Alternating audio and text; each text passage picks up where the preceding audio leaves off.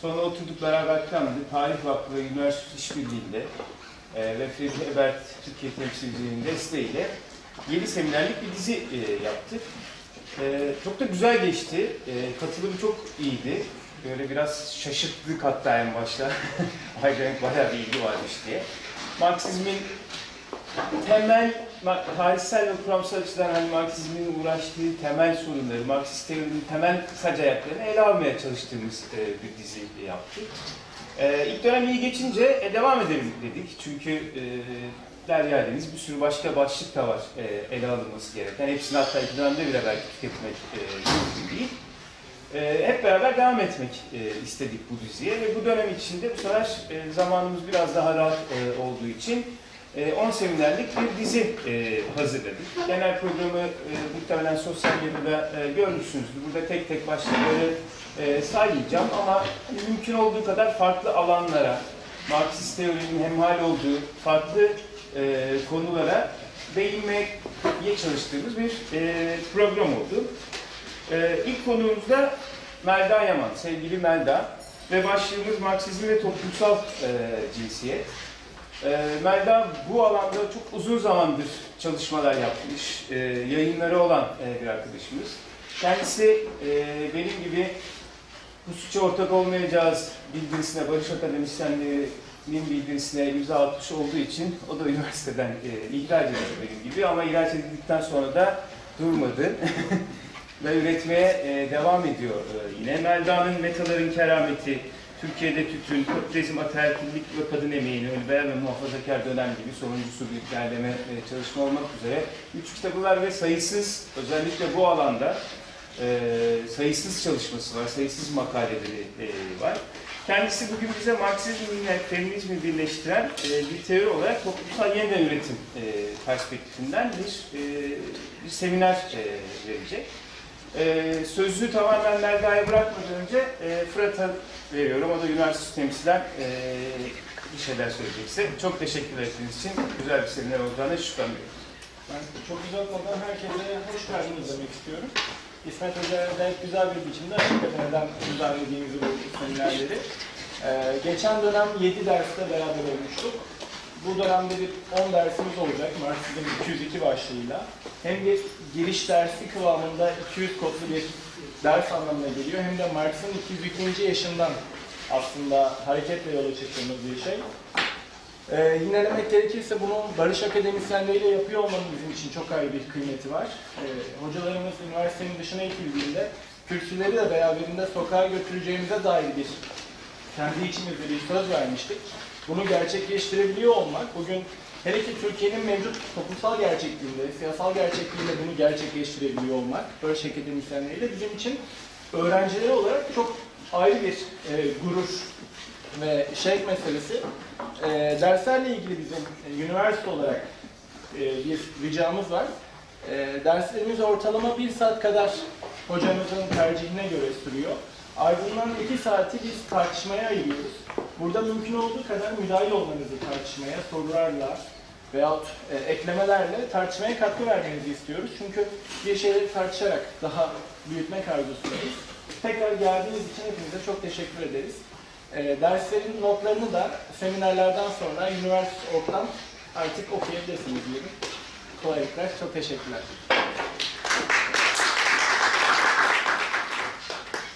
Ben de çok teşekkür ediyorum bu organizasyonu yapana.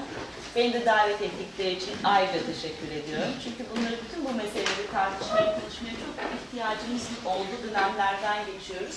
Bu sadece entelektüel bir ihtiyaç değil, hakikatin kendisi de bunu zorunlu kılıyor. Yani ola giden nesnel dünyanın kendisi de aslında Marksizmle ilgili bu bütün başlıkları yeniden düşünmeye, tartışmaya ihtiyaç yaratıyor. Ben de size, e, evet Marksizmde toplumsal cinsiyet diyoruz ama toplumsal cinsiyet benim çok kullandığım bir kavram değil. Onunla ilgili birkaç bir şey söyleyeceğim niye e, tercih etmediğim ama kritik önemli bir kavram. Şöyle söyleyelim, toplumsal cinsiyeti e, Newton'un eğer ki bir yer çekimi teorisi gibi düşünürsek, Einstein'ın işte e, kütle çekimi teorisi gibi arasındaki ilişkiyi kurabiliriz. Onu kapsayan ama aşan başka türlü bir sistematiğe ihtiyacımız olduğu kanaatindeyim ben. Yani neden farklı toplumsal cinsiyetler var sorusunu da yanıtlayacak sistematik, tarihsel, maddeci bir yanıta ihtiyacımız olduğunu söyleyeceğim. Bu, bunun üzerinden de kuracağım zaten. Şimdi e, beraberce konuşalım istiyorum. Beraberce tartışalım istiyorum. Siz istediğiniz her an, istediğiniz içinde e, katkı yapabilirsiniz, soru sorabilirsiniz, eleştiri yapabilirsiniz. Lütfen bu konuda kendinizi rahat hissedin. Çünkü e, şöyle bir ilişki beni de rahatsız ediyor. Bilen bir özne olarak bir şey anlatan olmayayım ben de. Kendi fikirlerimi sizinle tartışıyor gibi düşüneyim. Çünkü bunun, buna benim sizden daha fazla ihtiyacım var. Çünkü e, bu tür ortamları yakalamak benim için o kadar zor ki sizlerle buraya gelmenin benim için hem düşünsel hem de duygusal özel bir anlamı var. Bunu lütfen samimiyetle kabul edin.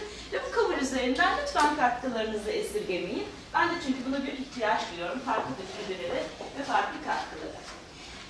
Şöyle başlayalım mı? Şimdi benim varsayımım şu. Bizim mevcut içinde yaşadığımız burjuva toplumunda kadınlar erkeklerden farklı bir biçimde eziliyorlar. Bu varsayımla başlayacağım. Ee, bu konuda hem fikir miyiz acaba? Evet. İtirazı olan arkadaşlarım var mı? Yani mesela bir erkek arkadaşım, hayır ya olur mu ben daha çok eziliyorum diyor mu mesela?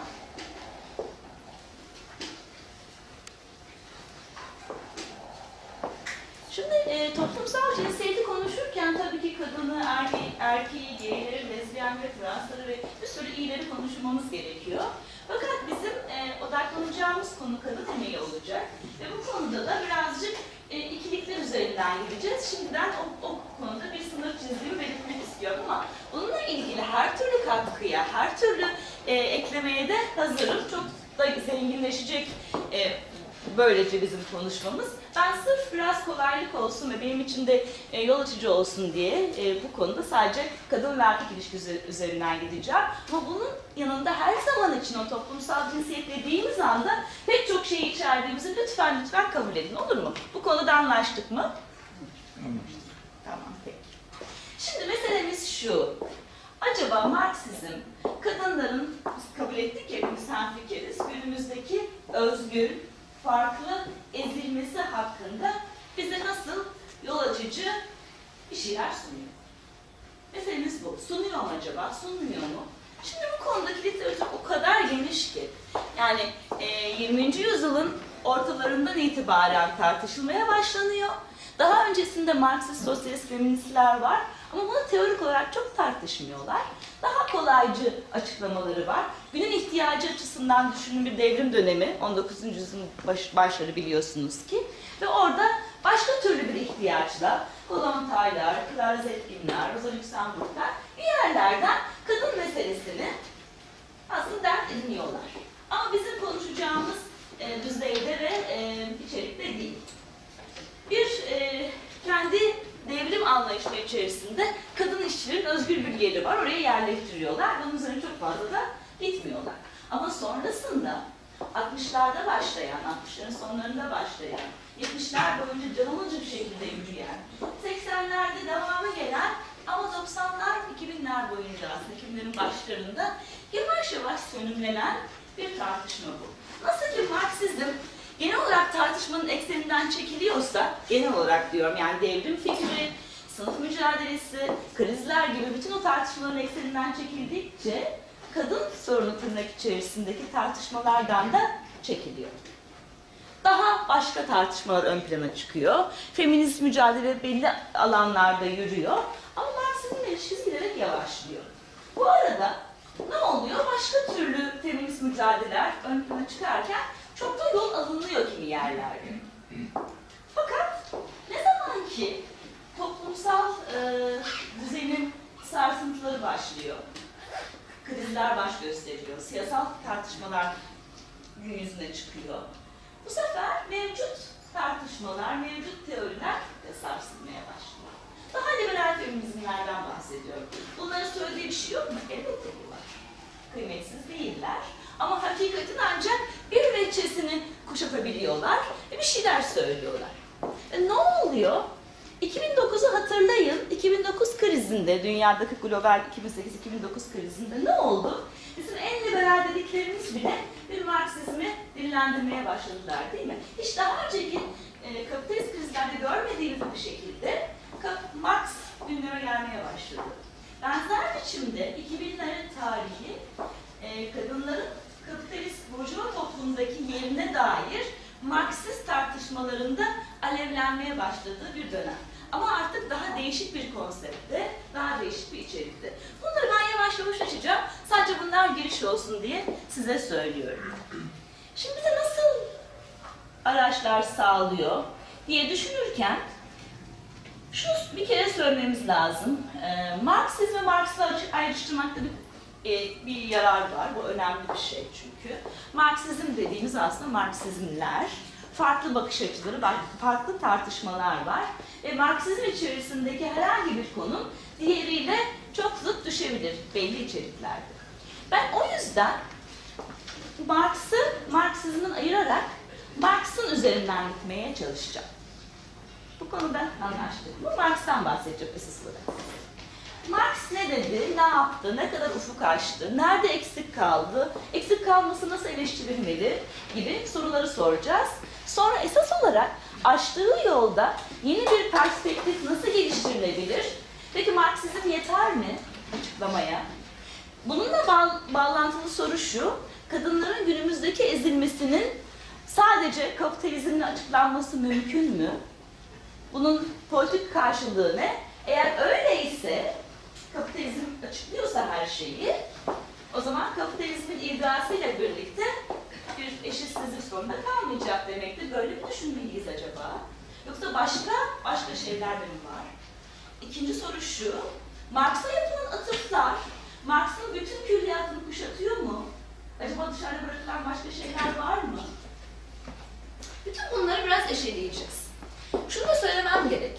Bu bir kütle çekimi teorisi gibi olmuş, bitmiş, tamamlanmış bir teori.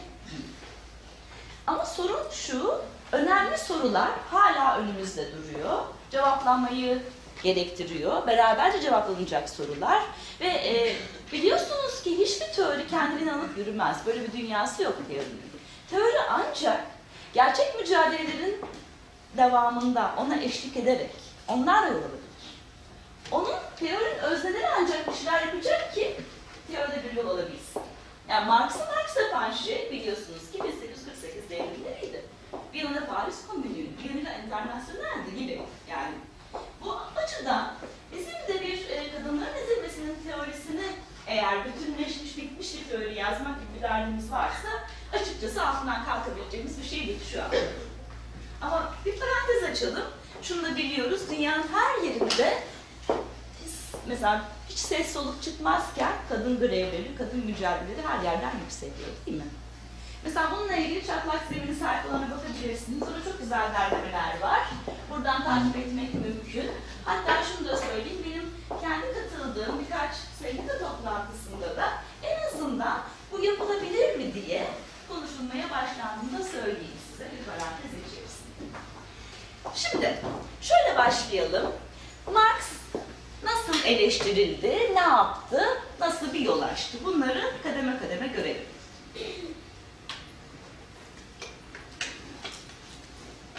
Marx'ın farklı dönemleri var. Baltazar gibi düşünmeyin böyle erken Marx, geç Marx, yaşlı Marx gibi değil. Ama Marx'ın çalışma e, biçimini belki ayrılabileceği böyle e, tırnak içerisinde analitik bir ayrım yapacağız şimdi. Marx'ın Marx, Marx 57 58 defterleri biliyorsunuz burada yayınlanmış bir yapıt değil. Taslak bir metin. Mar Marx'ın çalışmaya başladığı notlar onlar. Arkasından işte devamında altı değer teorilerinin bir parçasını oluşturduğu 61-63 defterleri geliyor. Devamında da ilk 67 yılında Kapital'in ilk cildini yayınlıyor. Şimdi bu 10 yıllık süreçte Marx'ın e, cinsler arasındaki çelişkiye dair hiç açık bir şey söylemediğini görüyoruz. Meraklı arkadaşlar varsa Kapital'i okuyan, bakan, okumayı düşünen, orada sayfalarca e, işçi kadınların maruz kaldıkları farklı ezilme biçimlerini örnekler Marx. Nasıl örnekler? Denetçi raporlarından örnekler. Neye benzer bu? Yıllar önce Engels'in İngiltere'de işçi sınıfının durumunu anlattığı sayfalara çok benzer. Benzer raporlardan yararlanır. Onların bir sonraki işte çalışmalarını ekler. Ama oradaki kritik mesele nedir? Kadınlar, işçi kadınlar tarlalarda, madenlerde, fabrikalarda türlü zorluklarla çalışmak durumundalar. Kadınlıklarından çıkmıştır filan der denetim raporları. Marx bunu eşit hiç eleştirmeden alır, kapitale yazar. Ya da işte kadınlar o kadar yoğun çalışırlar ki çocuklarına meme vermeyi unuturlar filan gibi satırlar bulabilirsiniz orada. Bunlar aslında raporlardaki satırlardır. Marx'tan ne bekleriz? Bunlara biraz eleştirel bakmasını bekleriz. Niye bekliyoruz ki? Sizce? Niye bekleriz? Çünkü Marx daha önce 1844-48 yıllarındaki çalışmalarında, 1840 el yazmalarında, 44-45 Engels'le beraber yazdıkları Alman ideolojisinde, hatta Komünist Manifesto'da bile biliyorsunuz aile eleştirisi vardır. Bunlar kutsal ailede sonra. Bütün bunlara dair, yani kadınla erkek ilişkisine dair notlar düşmüştür. Yani biz onun aslında bir eşitsizliğin farkında olduğunu görürüz, biliriz. Kadınların ezilmesini aslında işte ilk e, Elyas'ınla beraber aldıkları notlarda bir tür sanki ilk ezilme biçimi gibi anladıklarını görürüz. Erkek hakimiyetinin farkındadır Marx. Bu nerede oluyor? Mesela işte kutsal ailede. Çok tıkanıyorum konuşurken o yüzden sürekli bir sıvı almak zorunda kalıyorum. E, Bağışlayın o yüzden. E, evet, kutsal ailede kadınların özgürleşmesine dair de fikirleri var. Bu e, hatırlayacaksınız Ütopik Sosyalist diye geçen Charles Fourier'in kadın bir e, toplumun aslında gelişmişlik düzeyi kadınların özgürleşme düzeyiyle ölçülür der Fourier. Marx bunu doğrudan kullanır da kutsal ailede. Yani hem kadınların ezgi- ezilmesini kadın erkek ilişkisi bağlamında ele alan e, işaretleri vardır, öyle notları vardır. Hem de kadınların özgürleşmesinin toplumsal bir kültür dair de vurguları vardır. Ama esas kritik vurgu Alman ideolojisinde. Alman ideolojisini okuyan arkadaşım var mı acaba merak ediyorum.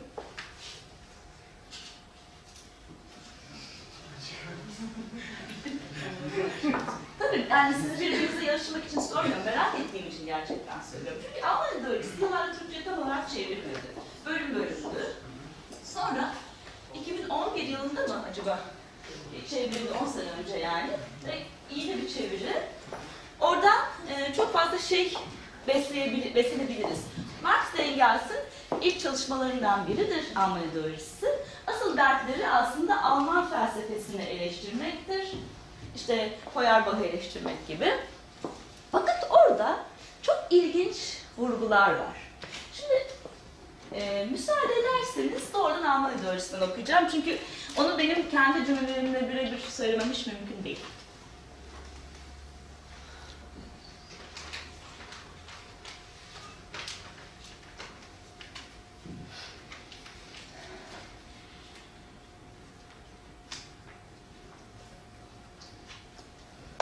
Diyor ki Marx da Engels, ilk tarihsel eylem ihtiyaçları karşılayacak araçların üretimidir. Maddi yaşamın kendisinin üretimidir. Ve bu binlerce yıl önce olduğu gibi bugün de insanların hayatlarını sürdürebilmeleri için gün ve gün saat saat yerine getirilmesi gereken tarihsel bir eylem tam bir tarihin temel koşuludur. Şimdi bu bize bir, toplumu incelerken bakılması gereken temel bir e, etkinlik olarak söyleniyor. Marx Engels diyorlar ki tarihe baktığımızda esas olan şey hayatın üretimi ve yeniden. Devamını okuyacağım bu, e, bu, bu bölümün devamını okuyacağım biraz sonra ama bağlamına yerleştirerek. Bu aslında çok temel bir bakış açısının zirvelerini taşıyor. Demek ki bizim bir toplum tahayyülünde, bir toplum incelemesinde, bir toplum aslında ufkunu yaratırken temel olarak aklımızda bulundurmamız gereken şey ne? Toplumsal ihtiyaçların karşılanması. Nasıl karşılandı? Hangi araçlarla, hangi biçimlerle, hangi yordamlarla? Şimdi Bu benzer vurguları Aristoteles'te de görürsünüz. Ama bu kadar güzel değil. Çok daha mekanik. Aynısını Platon'da da görürsünüz. Aynısını kimde görürsünüz? İbn Haldun'da görürsünüz. Toplum teorisi dediğiniz şeyin aslında benzerleri var. Kimde görürsünüz? Adam Smith'te görürsünüz. Ama nerede Adam Smith'te nerede görürsünüz? Jurisprudens'ta görürsünüz. İskoçya'da verdiği derslerin hmm, ahlak bilim derslerinin notları. Orada görürsünüz. Yani tarih içerisinde bir şekilde toplumsal meseleleri dert edilmiş olan filozoflar, araştırmacılar, çalışmacılar, kimse onlar. Onların her birisi toplum denilen şey ne için var, nedir sorusunu aslında bir ihtiyaçlar ve onların karşılanması ilişkisi üzerinden tarif ediyor. Ve en temel etkinliği de bu temel ihtiyaçların karşılanması için yapılan bütün emek etkinlikleri olarak tarif ediyorlar. Ama dediğim gibi Marx'ın anlattığı şey daha e, kuşatıcı bir tarifken bunu mesela e, Aristoteles diyor ki bir toplumun ihtiyaçları vardır. Birisi ayakkabıcı olur, birisi ma- marangoz olur, işte ötekisi başka bir şey olur. Ve bunlar ürünlerini birbirine mübadele ederler. Yani sadece bir mübadele ilişkisi üzerinden tanımlanmış bir dünya tasavvuru var. Ama Marx'ın yaptığı şey ise özgür bir dönemsel ilişkiyi değil, daha geniş, kuşatıcı, daha genel genel olarak üretim dediği kategoriye yaklaşan bir e, bakışı var.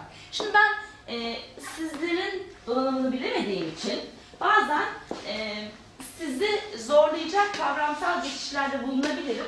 Bazen de sizin bildiğiniz şeyi tekrar edebilirim. Şimdi ikinci kaygıyla bir şey tekrar edeceğim. Muhtemelen biliyorsunuz ama ben bu ayrımı söyleyeceğim size.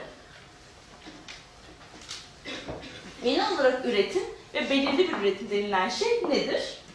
Marx diyor ki, e, bütün ta- e, bugün tarihsel olguların kendisi kapitalist üretim tarzı mesela tarihsel bir olgu değil mi? Yani bugün içinde yaşadığımız üretim ilişkisinin adı bu tarihsel bir olgu.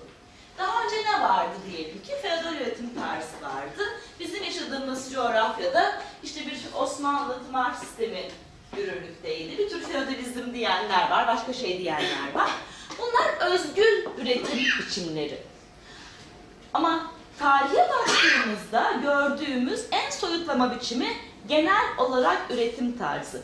Olarak üretim tarzı değil, üretim tarzı tarihte görülmüş değil. Ama bütün üretim ilişkilerinin paylaştığı ortaklıklar genel üretim tarzını ifade eder. Kabaca birkaç bir şey söyleyebiliriz. Üretilir olması lazım bir kere. Feodal toplumda da, antik Yunan'daki köylü toplumda da, günümüzdeki burjuva toplumunda da. Bir sınıflı toplumsa bir artı değer, artı üretme ilişkisi ve artı el koyma ilişkisi olması lazım. Bunların her birinde bunların değişik biçimleri var. Sonuç olarak e, çok hızlı geçtiğimi kabalaştırdım belki. Ayrım şu. Genel olarak üretim tar dediğimiz zaman bütün üretimlerin ortak e, biçim, ortak hallerini ortaya koyan, ortak dinamiklerini, ortak özelliklerini e, kuşatan bir kavramsallaşma. Ama belirli bir üretim tarzı dediğimiz zamansa o ortaklıkları taşıyan ama bunların özgür biçimlerini yansıtan. Çok kabaca, çok kabaca bir özün aldığı değişik biçimler gibi düşünebiliriz. Evet bu parantezde kullandığım için açıklama gereği düş, duydum. Şimdi e, dedi ki Marx'ın kattığı şeyler neler? Bir şekilde erkek ilişkisinin ezilmişliğini, kadınların özgürleşme potansiyellerini ve toplumdaki emek ilişkisine dair bunun niye kadınlarla ilgili olduğunu biraz sonra daha açıklığa kavuşturacağım. O vurguları kapitalden önceki, Bursa'dan önceki yapıtlarında görüyoruz. Bursa da bir kapitalde bu vurguları ne yazık ki göremiyoruz. Bunu biraz daha açacağım zaman içerisinde. Şimdi, peki e, bu yapıtlarının katkılarının dışında Marx'ın yöntemsel çok önemli bir katkısı var. Şimdi arkadaşlar her söylediğim şeyi biraz vakit geçtikçe açacağım. O yüzden sizin kafanızdaki bulunduklarına gideceğini, düşünüyorum. En önemli katkılarından biri de yöntemsel katkısı. Nedir bu? Marksist yöntem dediğinizde ilk aklınıza ne gelir? Bilimsel. Bilimsel. Bilimsel, maddi, maddeci, materyalist ne derseniz bir açıklama. Öyle değil mi? Yani bir şeyi eğer ortaya koyuyorsanız, tarif ediyorsanız onun o varoluşunu belirli e, maddi kategorilerle ve nedenselliklerle açıklayabilmemiz lazım. Marx'ın Kapital'de yaptığı ne? Sömürü denilen ilişkinin maddi dayanığını bize bütün açıklığıyla ortaya koymuş olması. En temel yaptığı şey bu. Başka? Tarihsel. Yani o olgu böyle gökten falan inmiyor. Onun bir tarihsel arka pl- planı var. Hareketi var o tarihsel. Tarih içerisinde belirli biçimler alarak geliyor günümüze kadar. Ve her olgu aslında tarih içerisinde daha değişik biçimlerde karşımıza çıkmış olabilir. Başka ne? Diyalektik. Diyalektikle ilgili bir parantez açacağım. Bunu belki başka bir zaman bir e, bira içerken sizinle konuşuruz. Şu andaki konumuz değil. Ama bu parantez içerisinde kalsın. O da şu. Marx, Hegel'in diyalektiğini alt üst etti, başta aşağıya çevirdi falan. Bu da çok tartışmalı bir konu. E, benim görüşüm şudur ki, Marx'ın diyalektiği bizzat Hegel'in diyalektiğidir. Bunu da kapatıyorum. Neden? Çünkü aslında diyalektik bir yöntemi vardır dediğimiz andan itibaren Marx'ın aslında hem maddi hem de tarihsel demiş oluyorsunuz benim bakışıma göre. Ama dediğim gibi bu, bu çok tartışmalı bir konu. Bununla ilgili tartışmayı başka bir tarafa havale ediyoruz. Şimdi meselemiz şu. Bu yöntem işte e, tarihsel, maddi, diyalektik dediğimiz bu yöntem acaba kadınların ezilmesinin incelenmesinde ve açıklanmasında bize yardımcı olacak. Bu nasıl olacak? Bütün e, yapmaya çalışacağımız bu. Ve bir şeyden yararlanacağız. Demin size girişini okuduğum kavramsallaştırma. Onu açacağım şimdi. Evet. Şimdi maddeci bir açıklamaya ihtiyacımız var. Kadınlar bugün neden daha farklı bir şekilde eziliyorlar? Bunun çok veçesi var kanımca. Etkinliklere katılımını belirliyor. Erkekler ne oluyorlar en fazla? Çok güzel salata yapıyorlar değil mi? Yok onu da istemiyorum. Evet, en iyi koşulda, en iyi durumda. Şimdi arkadaşlar, burada birazcık e, yani bu teorik tartışmamızdan biraz sıyrılıp daha güncel bir sohbet yapalım. Hepimiz biraz rahatlayalım. E, şu, şu konu kritik bir konu gerçekten. Şimdi bu, bunları konuşurken erkek arkadaşların yüzünde böyle müstehsi bir gülümseme oluyor. Neden? Çünkü yani felsefe, sanat, bilim falan böyle Marksizm, diyalektik falan uçuşuyor havalarda. Bir de bulaşık yıkamak, çamaşır yıkamak filan gibi. Allah aşkına şimdi bunların burada bir yeri olur mu gibi bir bakış var yani. Şöyle söyleniyor mesela daha böyle yetişkinlerle sun- sunuşlar yaparken ya hocam sen de yani bu bulaşığı mı şimdi önümüze getiriyorsun filan deniyor. Ben de valla ben getirmeyeyim. Siz yapın mesela bu kadar hani çok kritik bulmuyorsunuz bu meseleyi. Filan. Mesela şunu soruyorum. Neden mesela erkekler çocukların bezini almaz? Hocam önce kaybettikleri çorabın tekini bulsunlar. Sonra Güzel. yavaş yavaş adım atıyorlar. O, o çorabın kesin bulunacak ama onda yapacak bir şey yok. Hocam o çocukla geçirdikleri yarım saatten sonra vay şimdiki babalar çok farklı demeye başlıyorlar. Evet o da yarım saatte oyunla İşte falan geçiyor anneler genelde. önemsizleşiyor falan. Evet. Yani yarım saat bile.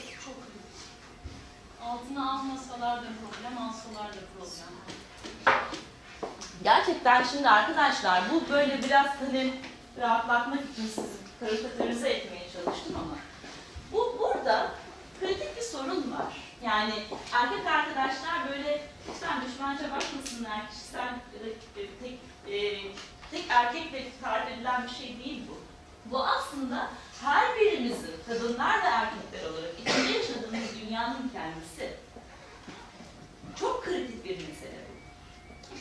Şimdi yine birazcık sizi rahatlamak için, rahatlamak için şöyle size anlatayım. Şimdi diyelim ki ben bir e, fizik hocası olaydım. Siz de sınıfta öğrencilerim olaydınız. Bir fizik sorunu problemi çözüyor olsaydım ben tahtada, bir matematik diyelim ki de fark etmez bir sanat eseri anlatıyor olsaydım size.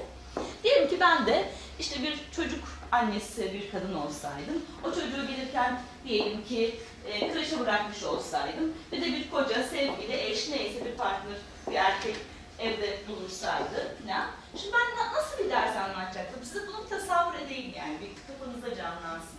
Problemi çözerken çok kritik bir problem olsun mesela bu. Ama bir anda şunu düşünecektim. Akşama acaba ne yemek yapsam? Ya bir kuru fasulye yapayım diye düşünüyorum ama yanına pirinç pilavı lazım. Pirinç var mı acaba evde? Çıkarken uğrayayım da marketten pirinç alayım. Ama dur ya market uğramayayım çünkü çocuğun arkadaşının doğum günü var. O yüzden bir AVM gibi bir yere gideyim. Gitmişken bir tane hediye de alayım.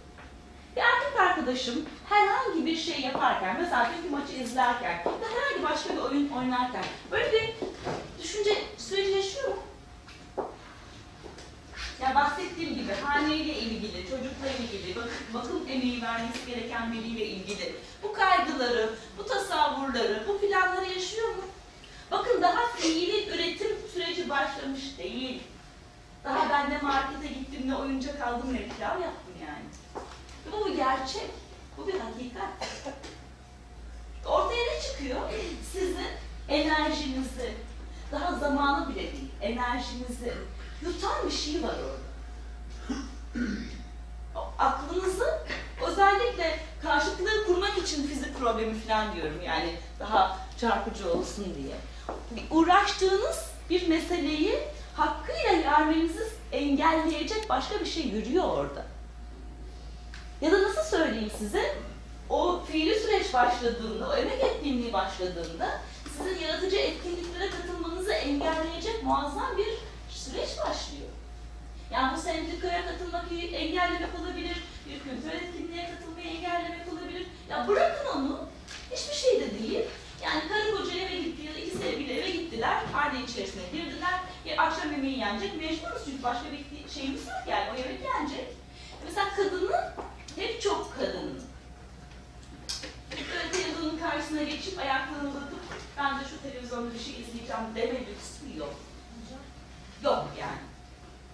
Ki kadın emeği ve istihdamı içinde Nisan 2015'te yayınladığı bir hane emek e, istatistikleri vardı, raporu vardı. Orada yanlış hatırlamıyorsam e, kadınların ortalama işte işten geldikten sonra evde harcadıkları o bakım emeği vesaire hane içi emek süresi 5 saat falan gibi bir şeydi tam hatırlamıyorum. Ama erkeklerinki 40-50 dakika gibi bir şeydi mesela. Bu da yaparsa yani bir çoğunluğunun yapmadığını düşündüğümüzde yani ortalama yani. Bak, üç saat kaç? 3 saat ve 3 küsur saat. Yani sonuçta evet yani bu ortalamayı veren rakamlar böyle. Şimdi bu, bunun sıradan bir mesele olarak görülmemesi gerektiğini anlatmaya çalışıyorum. En temel, en kritik mesele olduğunu görülmesini istiyorum tarafınızda. Ve şunu da söylemek isterim. Mesela Aristoteles nasıl Aristoteles oldu sorusunun yanıtı da biraz burada. Çünkü biliyorsunuz o e, bir e, aristokrat sınıftan geliyor. Yani kökeninde bir sürü başka bir şey olabilir o ayrı. Ama mevcut felsefe yaptığı dönemdeki ilişkisi böyle. Ve Aristoteles diyor ki toplumda üç sınıf var. Hatırlıyor musunuz? Erkekler, yani beyaz aristokrat erkekler. En altta köleler. Erkekler yönetmek için doğmuşlar, köleler yönetmek için doğmuşlar. Arada kim var? Kadınlar. Biraz köleye benziyor ama o kadar ruhsuz değil. Ruhları var. O yüzden yani onlar böyle bir aradalar, köle demiyoruz onlara ama onlar erkeklerle kıyaslanabilecek bir durum yok. Şimdi bu Aristoteles bugün hala referans verdiğimiz Marx'ın değer biçimi analizinin çok kritik bir noktasında. Aristoteles bunu görmüştü dediği, yani bu kadar büyük bir referans verdiği Aristoteles, Hegel'in en büyük referanslarından biri. Bu kadar e, bizim şu anda geri diyebileceğimiz bir pozisyon alabiliyor. Nasıl alabiliyor bunu? Çünkü kendi varoluşunun meşruiyeti ancak böyle kurulduğu için. Birilerin, kadınlar ve köleler, onun için çocuğa baktığı, yemek pişirdiği, onun üzerini başını temizlediği için geri kalan bütün serbest zamana kavuştuğu için Aristoteles felsefe de yapabiliyor, bilim de yapabiliyor. Bir biraz da şanslı, işte daha da bir bunları kavrayacak zihne ve şeye sahip olmuş, çağı da bunu gerektirmiş filan derken böyle bir şey ortaya çıkıyor. Sonuç olarak e, Husserl'in son bölümlerinde Marx sosyalizm için şunu söyler. Herkesin serbest zamana kavuştuğu şeydir sosyalizm.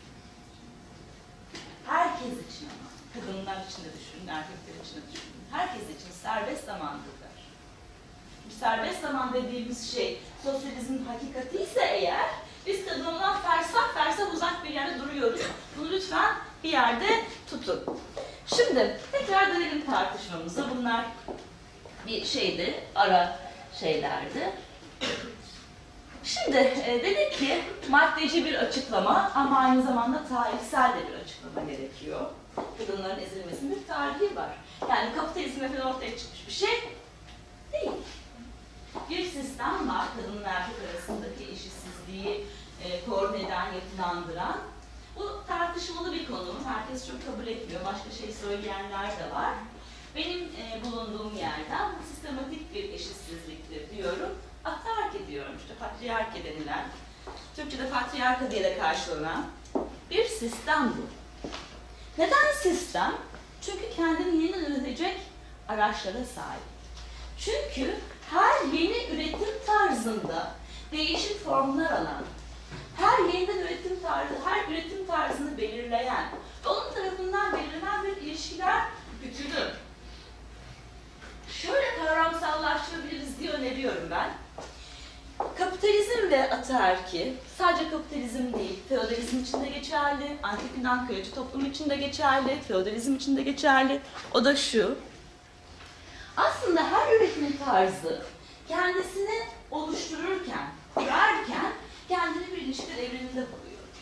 Ve bu aslında kadınla erkek arasındaki, bunların en önemlilerinden birisi, kadınla erkek arasındaki eşitsizlik sistemi, ataerki sistemi. Ve onun üzerinde yapılanırken aslında kendini bu eşitsizlikle beraber yapılandırıyor.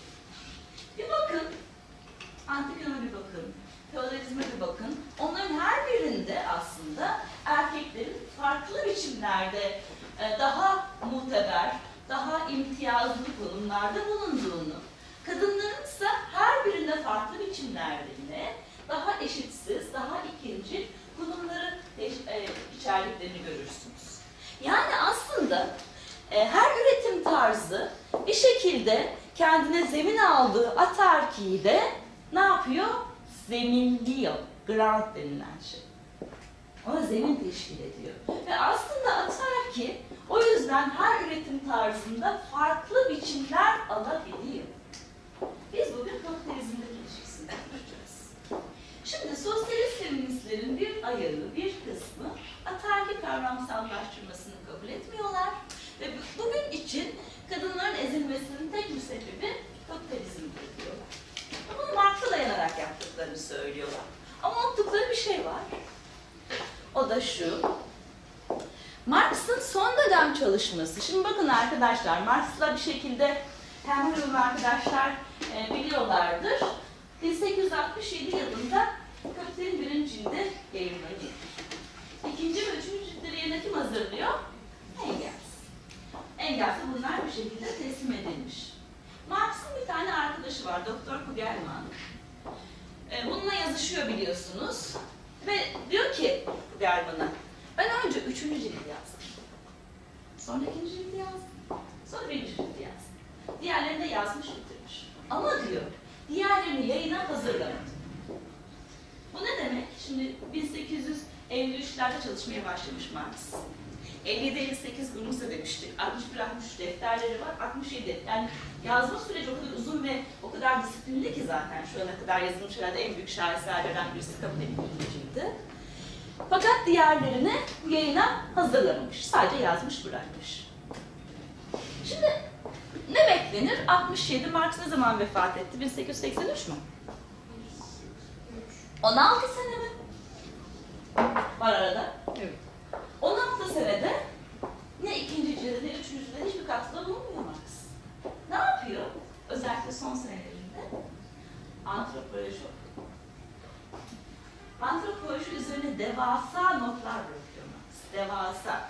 Tek bir örnek olsun diye söylüyorum size. Rusya'daki komünler Rusya tarihi üzerine 40 defter yazılmış. Böyle bir külliyattan bahsediyoruz. Bu o zaman için antropoloji, etnoloji alemi falan çok e, oluşmamış. Ve etnoloji defterleri diye basıldı. 1882 yılında Laurens Kreber etnoloji defterlerinin bir kısmını, bir kısmını ama yayınladı. Ee, Daha doğrusu transkript etti. Çok dilli defterler, farklı bir sürü dil kullanılmış o defterlerde. Ee, şöyle söyleyeyim, yerel diller var, işte Sanskritçe var, İngilizce, Almanca, e, Yunanca, Rusça var. O yüzden sadece transkript edilmiş bir metin. Türkçe'ye çevrildi ama Türkçe'ye çevirisi hakikaten biraz e, zorlayıcı bir metin. İngilizceden bakmanızı öneririm. Bütün bir metin değil, dipnotlar, ara notlar, kenar notları var, Marx'ın uzun avuntuları var. Kimden? Dönemin dört büyük antropoloğundan, özellikle Morgan'dan. Şimdi bu defterlerde ilginç bir şeyle karşılaşıyorsunuz. Marx şey yapıyor, kadınla erkek ilişkilerine o kadar odaklanmış ki dönemin tartışmalarının peşine gidiyor. Nedir o? Ataerkinin kökeni. Yani Marx hiç ummadığımız bir anda kapitalizmin ya- yaratmış ve yani işte sarsmışken her şeyi, ikinci ve üçüncü beklerken o bambaşka bir hakta ilerliyor. Bu hakikaten enteresan. E, muhtemelen şöyle bir e, düşüncede, bu konuda inanılmaz bir tartışma var. E, şunu da söyleyeyim arkadaşlar, bu konuda bir tane yazı yazdım Praxis'in Marx 200 sayısına. Arzu eden arkadaşlar ilgisini çekenler olursa bakabilirler. Oradaki temel referanslar var çünkü o metinde. Bu tartışma çok büyük bir tartışma. Niye böyle yaptı tartışması? Birazdan o yani şeyde Sovyet Araştırma Enstitüsü'nde arşivleri açan kişi etnoloji defterlerini bulduğunda çok sinirleniyor Marx'a. Yani bu da tabii nasıl bir kibirse, nasıl bir şeyse bir yazılım bu ayrı bir şey. Biz hep ona tuturlardı gençken. Ee, ilk onunla böyle diyalektik sosyalizm öğrenirdik bir yandan. Evet, e, o da şunu söylüyor. Ya diyor ikinci cilt, üçüncü cilt bekliyor, sen ne yapıyorsun falan diye. Kız hiç yüz vermiyor defterlere. O defterlerde ilginç şeyler var, ciddi tartışmalar var bunun üzerine. E, ve şunu görüyoruz, Marx aslında kadınla erkek ilişkisini toplumun en arkaik ilişkisi olarak tespit ediyor ve peşine düşüyor. Bu, buradaki kişini anlamaya çalışıyor. Krader'in inanılmaz bir giriş yazısı var. 80-90 sayfalık bir giriştir o. Orada aslında Marx'ın notları beraber düşünürseniz şöyle bir şey hissediyorsunuz. Marx aslında bütün o sınıfsal eşitsizliklerin ilk olarak kadınla erkek arasındaki eşitsizlikte beraber ve eş zamanlı kurulduğu hissiyat. O yüzden çok kuruluyor. Ama nerede kuruluyor bu? Eşitlikçi toplumların içinde. Yani özel mülkiyet dışarıdan bir şey gibi geldi de pat orada bir muazzam bir eşitlik var da bozuldu gibi değil. Tam diyalektiği orada kavrıyor zaten. Yani eşitlik ilişkisi karşıtını kendi içerisinde barındırıyor. Bununla ilgili, bilmiyorum antropoloji okuyan arkadaşım var mı? İnanılmaz muazzam şeyler var antropolojide.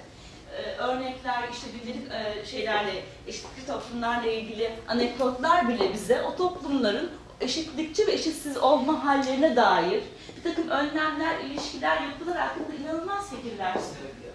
Ve Marx gerçekten e, şunu anlatmaya çalışıyor gibi. Çünkü örnekleri ve alıntıları onun üzerine. Eşitlikçi toplumların içerisinden eşitsizlikler filizlenmeye başlamış. Nasıl filizleniyor aslında? Mesela bakıyorsunuz şeflerle kitle, yani grup arasındaki eşitsizlik de görüyor bunu. Eşitlikçi ilişkinin içerisinden şeflik diye bir şey çıkmış mesela. Biz bugün çok beğeniyoruz, potlatch falan diyoruz ama aslında da o eşitsizliğin bir ürünü. Çünkü orada potlacı düzenleyen, hediyeleri alan ve yeniden dağıtan bir iktidar var.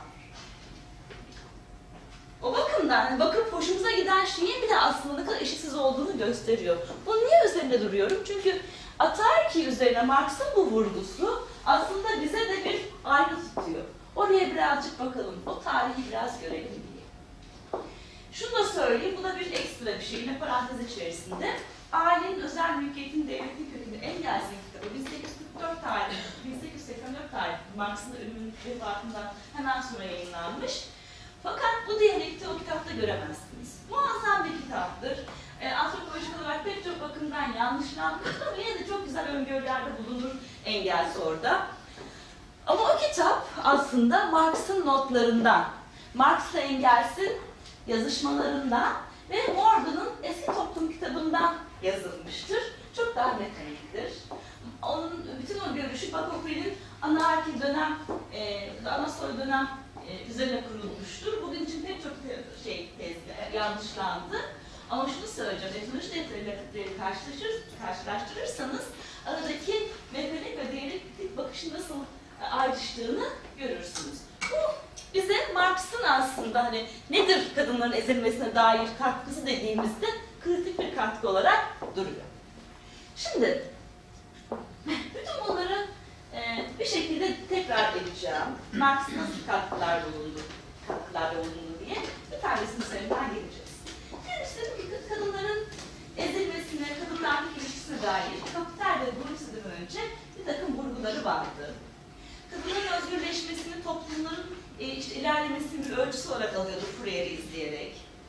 Üçüncüsü, şimdi bunu söyleyeceğim, sadece etnoloji defterleri. Bu da bize ataerkinin kökenine dair ve antropoloji biliminin olanaklarına dair bir yol açıyor. Dördüncüsü de Alman ideolojisinde Marx ve Engels'in toplumların incelenmesine dair çizdikleri çerçeve. Size bir kısmını okuduğum kitaptan o çerçeve. Peki bu çerçeve daha neler vaat ediyor diye devam edeceğiz şimdi. Şimdi böyle ne- neden bu çok önemli? Ee, bir parantez gibi görün bunu da. Bizim size bugün, benim size bugün anlatacağım şey toplumsal yeniden üretim teorisi. Bu, bu aslında temel olarak Marx'ın bir takım öncüllerine ve bir takım çalışmalarına dayanıyor. Hem onun ortaya koyduğu çerçeve hem bunu yarı bıraktığı çerçeve. Tabii ki. Bir önce dediğinizden bir şey kafama takıldı. Ee, hani eşitlikten şef ve altında çalışan işçiler eşitsizliği çıkıyor. Ben zamanında bunu çok düşünmüştüm ama üzerine hiçbir şey okumadım. Yazmadım, çizmedim. Buna, bunun çözümüne dair bir şey ortaya koyuyor mu? Bir çözüm yolu. Hayır, tabii ki. Çünkü neden? Zaten o bir tarihsel olguyu anlamaya çalışıyor. Bunu çözecek bir durumu yok. Olgu başlamış. Bugün baktığınız yani günümüzdeki çağdaş eşitlikçi toplumların içerisinde şefleşmeler var. O- onun ürünleri bugün devlete kadar ulaşmış durumlar. Yani orada başlayan eşitsizliğin artık geldiği nokta tamamen müthiş bir eşitsizlik ve çok katmanlı eşitsizlik. Irksal eşitsizlik de var, farklı arasında eşitsizlik de var. Ama tabii ki eşitsizlikten bahsediyoruz. Bir sınıfsal eşitsizlik, bir de kadın erkek arasındaki eşitsizlik. Marx'ın yapmaya çalıştığı şey bu ilk toplumlara bakarak bugüne dair nasıl çıkarımlarda bulunabiliriz ve kendi tarihsel e, eşitsizlik dünyamızı nasıl açıklayabiliriz? O yüzden çözüm üretmek değil, tam tersine onu kavramsallaştırmak ve anlamak üzerine o metin. Şimdi e, bir su alacağım.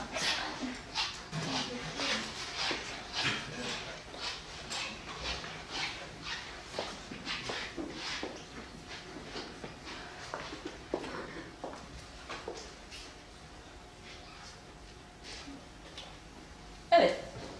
Şimdi e, Marx'ın, pardon şunu unuttum söylemeyi, bir tane daha katkısı var. O da çok önemli ve eksik bıraktığı şey. Kapitaldeki e, emek gücünün yeniden üretimin bölümü. Bu da çok önemli olacak ve bahsettiğim toplumsal yeniden üretim analizi aslında buradan hareketle bunun üzerine koyarak büyüyecek. Şimdi e, emek gücünün yeniden üretimine geçeceğim ama ondan önce tekrar şu Alman ideolojisindeki yapıya döneceğim. Neden? Şimdi orada diyor ki hayatın e, temel ihtiyaçlarının karşılanmasıdır birinci üretim. Beslenme, barınma, eşleşme, üreme ne derseniz bütün bu temel ihtiyaçların yani bizi hem hayvan kılan hem de hayvanın ayıran o sınır ilişkilerini düşünün. İnsanın diyor ki 1844'te kadınla erkek ilişkileri insanın doğayla ve doğanın insan, doğa, insanın doğayla kurduğu ilişkidir. Kadın erkek ilişkisi. Ama aynı zamanda insanın doğayla kurduğu ilişki olduğu gibi insanın insanla ilişkisinde doğa, doğayla dolayımlıdır diyor bu ilişkinin kendisi için. Bunun bir doğal bir boyutu olduğunu söylüyor ama doğanın kendisi değil. Bu tartışmayı daha çok geliştiriyor, ikinci doğa filan ama ona girmeyeceğiz. Ama sonuç olarak burada bir tür hem biyolojik hem toplumsal, toplumsalın biyolojik, biyolojinin to- toplumsal olduğu bir bakış açısı sunuyor bize. Yani Marx'ın yaptığı 1844 yazmalarında, Paris el yazmaları falan dedi geçen, orada yaptığı şey şu, doğayla toplum ayrımını yani o ikiliğini bir kenara bırakarak aslında bizim toplumsallığımızın doğayla dolayımlandığını, doğayla ilişkimizin de beslenme gibi mesela doğal ilişki, başka var mı ötesi? Yani bütün hayvanlar, bitkiler gibi biz de yaşantımızı sürdürecek, enerji alacak besinlere ihtiyacımız var. Ama gidip ortalıkta avlanmıyoruz değil mi? Ya da ne bileyim bir şey derliyoruz. Gerçi ben tarafında olduğum için şanslıyım. Otları falan derliyorum yani. Ama esas olarak baktığımızda bütün ihtiyaçlarımızı karşılayacak besinlere erişme biçimimiz var. Ne de bugün için? Meta ilişkisi. Sonuç olarak bu bir doğal ihtiyacı karşılamanın toplumsal biçimi. Marx bu diyalektiği bize anlatıyor. Şimdi hane içerisine baktığımız zaman ne görüyoruz bununla bağlantılı? Ne oluyor? Yoruldum için size soruyorum. Bir, insanın üretimi. İnsanlar nerede üretiliyorlar arkadaşlar? Mesela şey Matrix'i hatırlayalım. Hatırlıyor musunuz? Böyle izleyen arkadaşlar e, hatırlayacaklar. Orada böyle küçük küçük ne denir onlara böyle hücrelerde falan yaşıyorlardı insanlar değil mi? E, Yaratılıyorlardı orada. Onlara bir beslenme borusu vardı. Besinler veriliyordu. Sürekli uyutuluyorlardı. Bir enerji dışarı çıkıyordu. Biz öyle miyiz? Değiliz. Biz biyolojik olarak bir kadın ve bir erkeğin çiftleşmesinden filan bu süreçlerin ortaya çıkıyoruz. Nerede? Bir fabrikada mı? Bir işlikte mi? Ofiste mi? Yani ilk ilişkinin nerede gerçekleştiğini sormuyorum. Esas olarak bizim nerede yetiştirildiğimizi soruyorum. Kadının bedeninde. Evet, bir hanede. Bir hane var. Tırnak içerisinde aile diyebiliriz. Böyle bir kurum var yani. Yani bugün için insanın üretildiği yer. Haneler. Aile bunun. Değişik aile formları olabilir ama genel olarak buluşma ailesi formu var. Ve pek çoğumuz da aslında o, o şeyi biliyoruz. Aşinayız en azından. Doğru mu? Peki bir soru soracağım size. Kapitalizm madem ki her şeyi metalaştırıyor. Değil mi? Yani bu testler mücadelesi nasıldı? Sular bizim hakkımız. Nasıl bunu metallaştırırsın çekersin? Nasıl sermayeleştirirsin diye karşı çıkmıyor muyuz? Nasıl oluyor da suyu havaya kadar metalaştıran bu kapitalizm niye bizi kapitalistler üretmiyor ki o zaman yani? Bu soruyu sordunuz mu hiç? Aklınıza gelecek ne varsa kapitalizmin metal ilişkinin konusu olabilir. Eğitim, sağlık zaten çoktan da bir parçası oldu. Gıdan tazminatını izliyor musunuz mesela? Ama bir şey var ki insan üretimi hala hanelerde, tabii ki değişik biçimlerde yürüyor. Tabii ki kuklardan, kukları bilir misiniz? Kalari çölündeki kuklar diyorlar kendilerine. Orada hane yok bildiğimiz gibi çünkü onlar göçebe toplumlar. Ama yine böyle sağlıklardan yaptıkları, şeyler yaptıkları tufakhaneler var. İki eş, yani eşlik var, kadın ve erkek. Tek eşlilik var dönemsel. Kadınlar gidip çalının altında falan doğuruyorlar. Bugün nasıl doğum yapılıyor? İşte üç yıldızlı, beş yıldızlı hastanelerde baby shower falan genelde. Biçim farklı. Ama sonuçta bir kadın, bir erkek, bir devam eden, oradan gelen bir süreklilik de yok mu? Var. Çünkü hala biz bir şirketin insanı değiliz değil mi? Bu değişik gelmedi mi size? Yani o kadar içinde olduğumuz, hani Egel diyor ya, aşina olan bilinmez diye. Çok aşina olduğumuz bir şey bu, içinde olduğumuz dünya. Ama ne, niye böyle acaba? Bu doğrusunun yanıtını vereceğiz. Demek ki insanın üretimi hala kapitalist burjuva toplumunda bile kapitalist biçimde olmuyor. İtiraz var mı? Bu bir burjuva toplum. Kapitalist rasyonellerle besleniyor. Girdiler hala meta, doğru mu? Çocuk bezi meta mesela. Mamalar meta. İşte hastanelerde para veriyorsunuz. Hiç olmadı bir katkı üretip veriliyor şey için, o sağlık hizmetini almak için. Bunun her birisi doğru. Ama hala kapitalist biçimde bir üretim yok. Doğru mu? İnsanın üretimi hala bir kapitalistin üretimi değil. Hala fabrikalarda falan değiliz. Bu doğru mu arkadaşlar? İtiraz var mı? Buyurun. Ben bankaların ne oluyor? İşte onların hepsi var. Çok fazla şey var. Doğru. Yavaş yavaş tarih oluyor. Anlatmak sıkıntı doğru da artık kadının erkeğe ihtiyacı yok. Ne askerde kalmak için, ne çocuğu doğurmak için, ne çocuğu Çok şükür.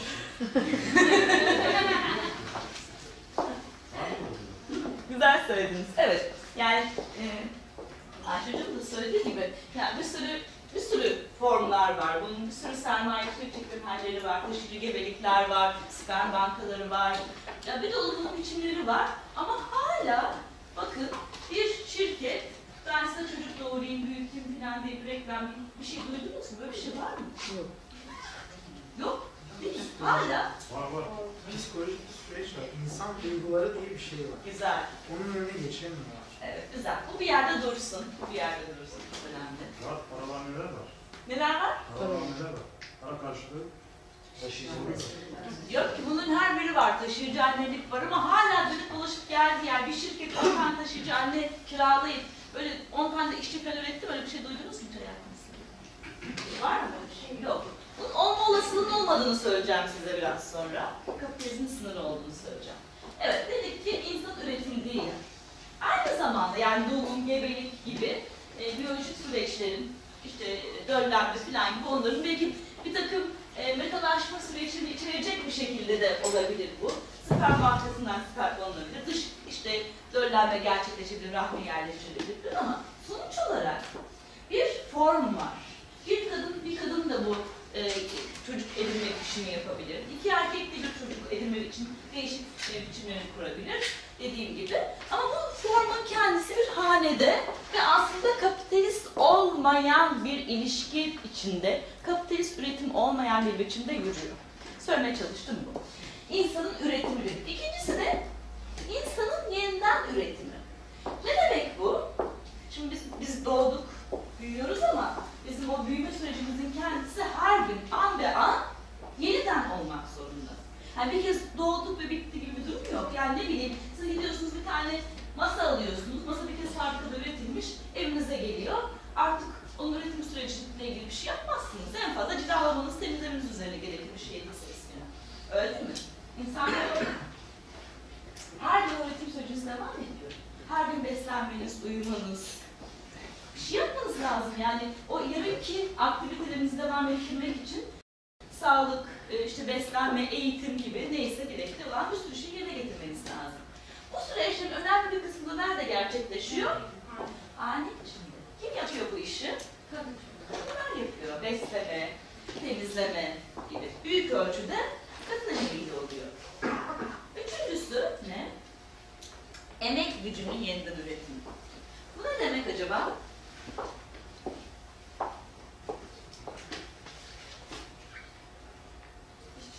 Buyurun. Bir arkadaşım parmak kaldırdı galiba. Ee, yani kapitalist ekonomik model için gerekli olan işçi sınıfının sürekli yeniden üretiliyor olması. Çok güzel. Nasıl yapılıyor bu? İşçi, emek gücü neydi? Emek gücü nedir? Şimdi arkadaşlar benim gelip size bunu bu saatte burada anlatabilmem için belirli şeyleri yapmış olmam lazım. Beslenmiş olmam lazım. Aç. Zor. Dinlenmiş olmam lazım. Değil? Aynı zamanda işte bir takım çalışmalar yapmış olmam lazım. Bir hazırlık yapmış olmam lazım.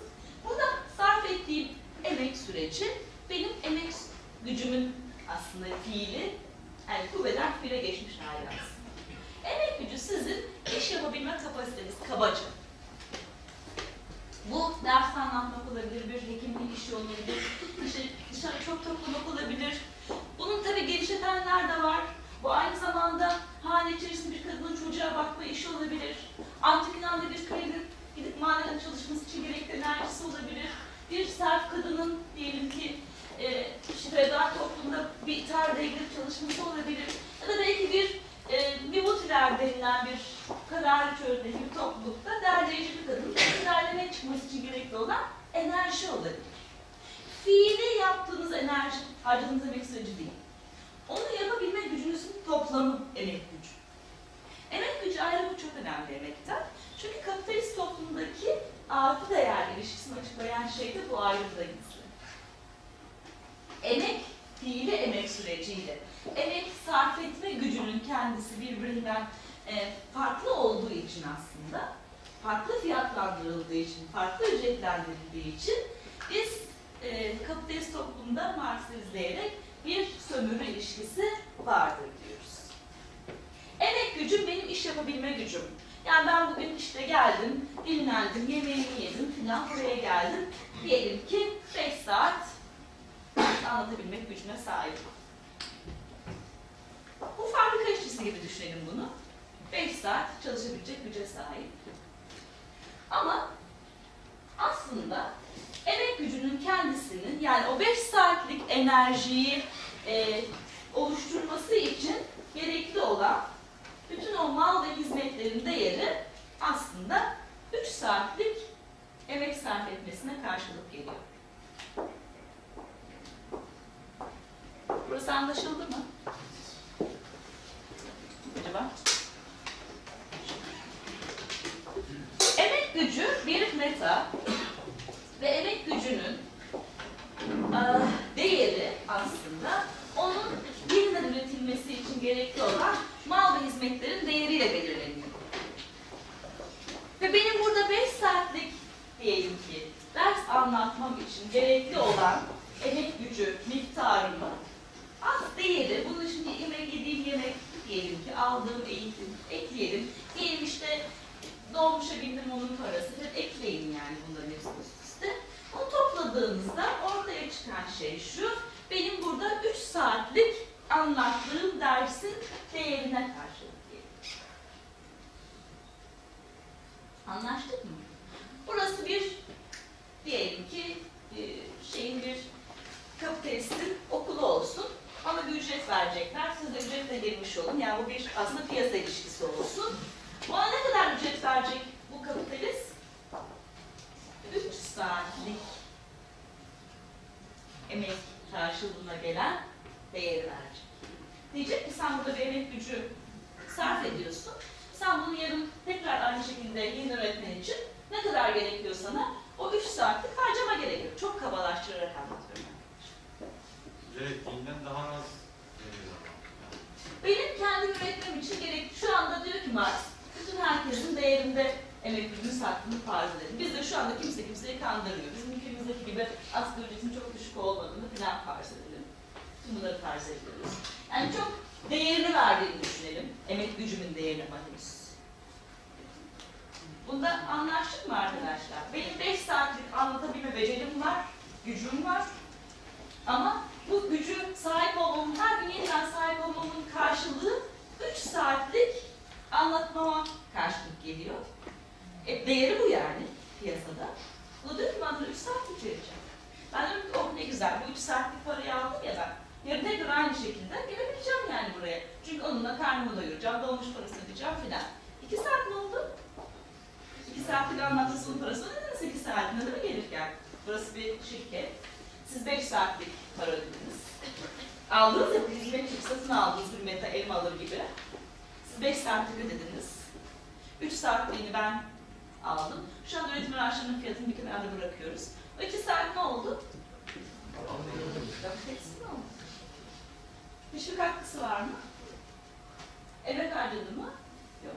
Ben de memnun muyum? Memnunum. Ben de emek gücümün değerini aldım diye memnunum. Ne güzel diyorum, paranı aldım. Şu iki saatlik şey artı değerin kaynağı. Bunu bu kadar uzun anlattım? Ee, biraz bu, buraya çıkıp getirmek için. Şimdi soru şu, bu emek gücünün 3 saatlik dediğimiz o emek e, değerinin belirlenmesinde aslında bütün piyasa koşulları düşünülüyor. Halbuki o tırnak içerisinde erkek işçiyi düşünelim biz. Erkek işçinin, erkek öğretmenin piyasa koşullarında çalışan yani devlette değil, ee, bir ofis çalışıyordum gene bir e, kapitalist şirkette. Emek gücünün yeniden üretilmesinde bir başka emekçi de var. Kim bu? Kadın. Anne. Evet. Şimdi bu ücretle bir sürü besler alınmış olabilir. Ama onları yemek haline getirecek. Adamın çarşafını, tağını, masasını temizleyecek. Belki cinsel hizmette bulunacak birisi var. Bütün o hizmetler, rahatlatma, onun karnı doyurma, temizleme, ona temiz bir ortam hazırlama, bütün bu işleri yapmasına aslında imkan vermeden onun hepsini üstlenmiş olma, duygusal olarak onu rahatlamaları bir şey, az bir şey değil. Bu 96-97 Asya krizinde Güney Kore hükümeti şöyle bir şey yayınlıyor. Hükümetin kendisi diyor ki kadınlara, kocalarınız işten çıkarılıyor, moral- moralleri çok bozuk. Kadınlar ciddi bir şekilde işten çıkarıyorlar bu arada. O yüzden kocalarınıza destek olmak için lütfen alttan alın. Daha yumuşak ve daha şey davranın, takipler davranın. Böyle bir yanı da var biliyorsunuz yani. Bunu herkes kendi hali ilişkilerini az çok bilir. Şimdi ne oldu? Emek gücünün yeni üretiminde aslında bir şekilde birileri katkı koydu. Bunun karşına para aldılar mı? Var mı para? Bir karşılık var mı? Ama kadınlar da aşkla yapıyorlar bu işi. diyor musun? Eğer kadınlar aşkla yapıyorlarsa biz kadınlarda aşkla yapılmış pastalar, ütüler istiyoruz yani. Tamam. Şimdi kadınlar ne yapıyor hane içerisinde? İnsan yavrusunu yetiştiriyor, insanı üretiyor ve yeniden üretiyor. Emek gücünü yeniden üretiyor. Başka şeyler de yapıyorlar. Yaşlılara, hastalara bakıyorlar. Doğru mu? Engelli çocuklara bakıyorlar. Doğru mu? Şöyle hikayeler oluyor mu sizin çevrenizde? Mesela tanıdığınız bir komşunuz, bir erkek karısının annesine da babasına bakıyor. Böyle bir örneğiniz var mı? Ters örneği hiç söylemek yani duymuyorum. Çünkü hepimizin. Niye böyle? Evet soru şu. Buraya kadar geldik. Niye böyle? Bir fikriniz yok mu? Hocam tarihsel açıdan yer alternatif demiştik. Oraya bağlı. Evet. Bu ilginç değil mi sizce? Ee, ş- biraz ara verin ister misiniz? Şunu söyleyip bitireceğim arkadaşlar. Ee, yani bu ilk şeyi. Ee, sizin pek çoğunuzun, hepinizin eşitlikten yana, sömürüye karşı e, olduğunuzu varsayıyorum. Öyle olduğunuzu düşünüyorum. Şimdi bir eşitsizlik dediğimiz zaman aklımıza gelen türlü eşitsizlikler var. Sınıf eşitsizliği olabilir, ırksal eşitsizlik olabilir. Kadın erkek arasındaki eşitsizlik bizim ülkemizde kad- günde üç kadın öldürüldüğü için çok aşikar, çok açık bir şey. Ama bu, bu işin emek cephesinin bu kadar görülmez olması, bu kadar görünmez olması aynı zamanda bana ilginç geliyor. Gerçekten geliyor yani. Bu kadar, ben bunu nasıl yorumluyorum o zaman? Diyorum ki bütün egemen sınıflar gibi aslında evet erkek olma halinin bir veçesi de bu e, imtiyazlı konumu sürdürmek, korumak mı? Acaba öyle mi? diye bir şey atayım. Biraz dinlenip sonra devam edelim. Olur mu? Evet, şimdi birkaç emek etkinliği saydık hane içerisinde. İnsan üretimi, üretimi, emek gücünün yeni üretimi, yaşlıların, hastaların bakılması, kocanın bakılması, sevgilinin bakılması gibi. Bütün bu emek süreçlerinin kadınlar tarafından büyük oranda yerine getirildiğini, elbette ki eğitim kurumları var, sağlık kurumları var, bilim kurumları var. Bunlar da bu emek sürecinin ve insan yeni üretiminde çok önemli yerleri var. Ama bunun dışında bütün bunlara düşmeyen, kritik ucu belirli bir sürelerde bırakıyoruz gibi. Eğitimde, hayat boyu eğitim falan diyor sermaye ama nihayetinde bizim karnımızı doyuracak bir hane, tırnak içerisinde bir aile ilişkisi içerisindeyiz. Bütün bunları kuşattığımızda kadınların karşılığı ödenmeyen, karşılığında para almadıkları, bugün için kapitalizmde hiçbir şeyin parasız elde etmek mümkün değilken, hane içerisinde böyle bir etkinlik sunuyor.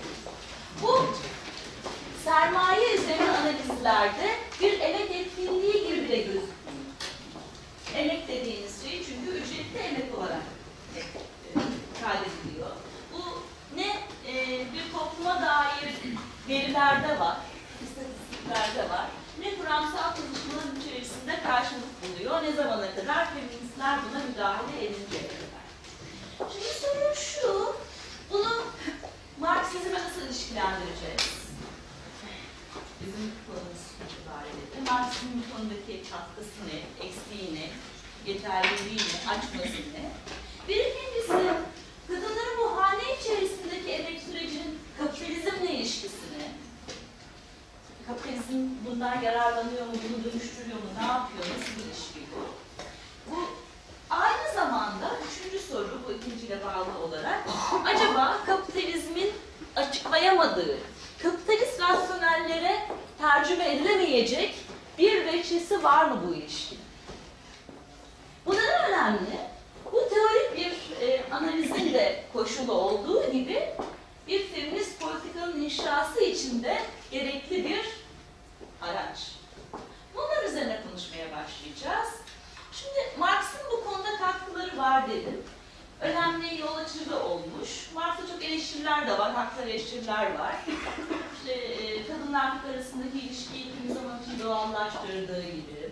Kimi zaman için işte e, kapitalde böyle bulunursa da kadın erkek ilişkisine hiç değinmediği gibi. Bunların her birisi haklı eleştiriler. Önemli bir eleştiride emek gücünün yeniden üretimini çok fazla incelemediği. Marx kapitalde emek gücünün yeniden üretimi bölümünü epeyce ele alıyor. Diyor ki, emek gücü bir metadır, diğer metalar gibi. İşçi, sanki domateslerini piyasaya satmaya, pazara değil, e, getirmesi gibi kendi emek gücünü de aslında kapitalist koşullarda satar. Yani iş aramak dediğimiz şey aslında bizim emek gücümüzü piyasaya bir meta olarak taşımak. Emek gücünü kendi işte bir şekilde bir kapitalistle iş e, sözleşmesi üzerinden kiralar, satar. Bu şekilde bir tartışma da var. Ve bunun bu sürecin kendisi emek kapitalizmin de varoluşunun temel koşuludur. Peki, e, güzel. Peki hane içerisindeki emek süreci burada nerede duruyor? Bunun anlamı ve mantığı ne kapitalizm açısından baktığımızda? Nereye yerleşiyor? Bir emek süreci olarak almayacak mıyız biz bunu? Bu tamamen görünmez, hani görünmeye demek tartışmalarını hatırlayın. Görünmez, içerilmez, dışarıda bırakılan bir süreç mi? Bu başka bir üretim tarzı mı? Acaba?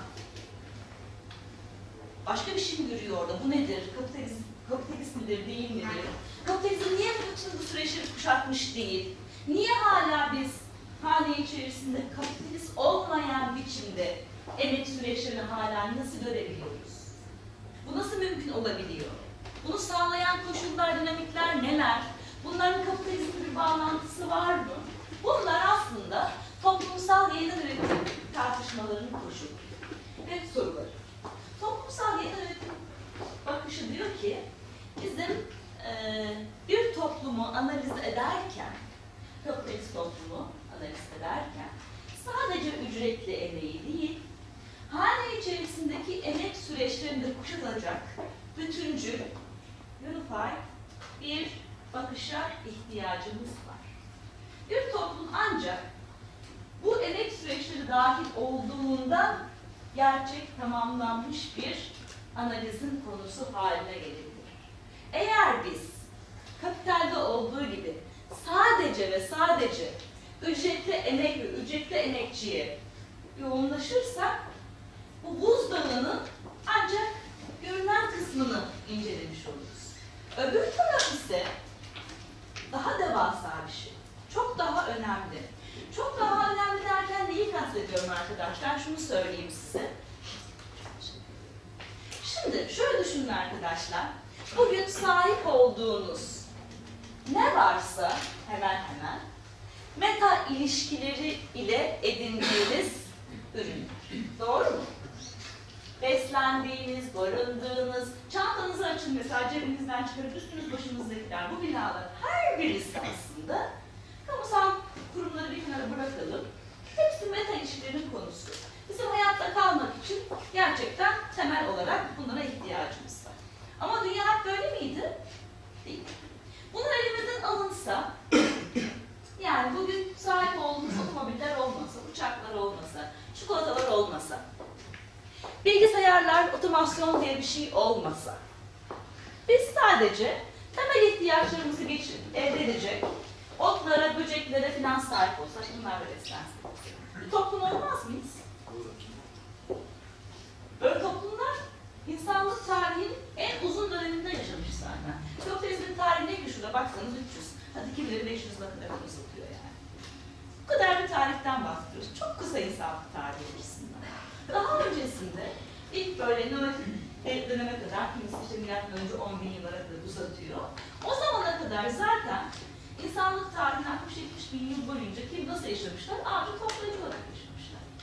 O halde bir toplumu toplum yapan şeyin kendisi, metaların kendisi değil.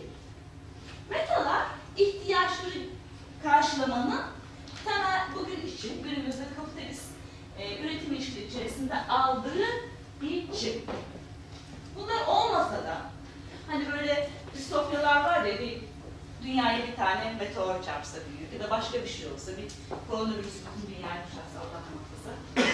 Yani filan böyle bir dünyanın içerisinde bizim toplum olarak tekrar var ol, olabilmemizin, varlığımızı sürdürebilmemizin koşulu iki tane. İhtiyaç duyduğumuz nesneleri bir şekilde üretebiliyorsak, ister elimizdeki taş baltalarda toprak kökleri çıkaralım, isterse işte koyunumuz ineğimiz olsun sarı süt yapalım. Birincisi bu yani. Karnımız doyuracak, beslenecek, barınacak bir şeye ihtiyacımız Biçim önemli değil. İkinci temel koşul ne? İnsanın yeniden üretimi. İnsanın yeniden üretim olması lazım. Üreyebilmemiz, insanlara da o bakım sürecini karşılayabilmemiz gerekir. Temel koşullar bunlar. Yani saydığımız o metaların hiçbiri olmasa bile ki insanlık tarihinin büyük bir kesiminde zaten yoktular. Biz ihtiyaçlarımızı bir şekilde karşılayabiliyorsak ve çocuk insan yavrusunu doğurup besleyip büyütebiliyorsak, kendimize bakabiliyorsak bir toplum olma koşulunu sağlayacağız ve toplum olarak varlığımızı devam ettirebileceğiz. Şimdi bakın, toplum olmanın temel koşullarını sağlayan hane içerisindeki üretim süreci bir toplum analizinde hiçbir yer kaplamıyor. Enteresan değil mi?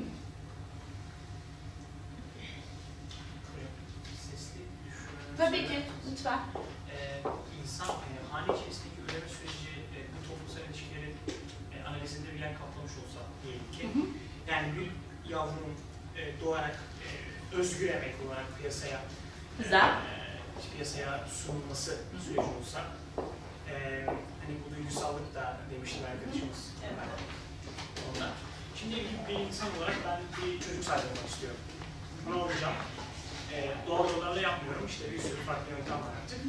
Ee, aldım bunu ve ona harcama yapıyorum.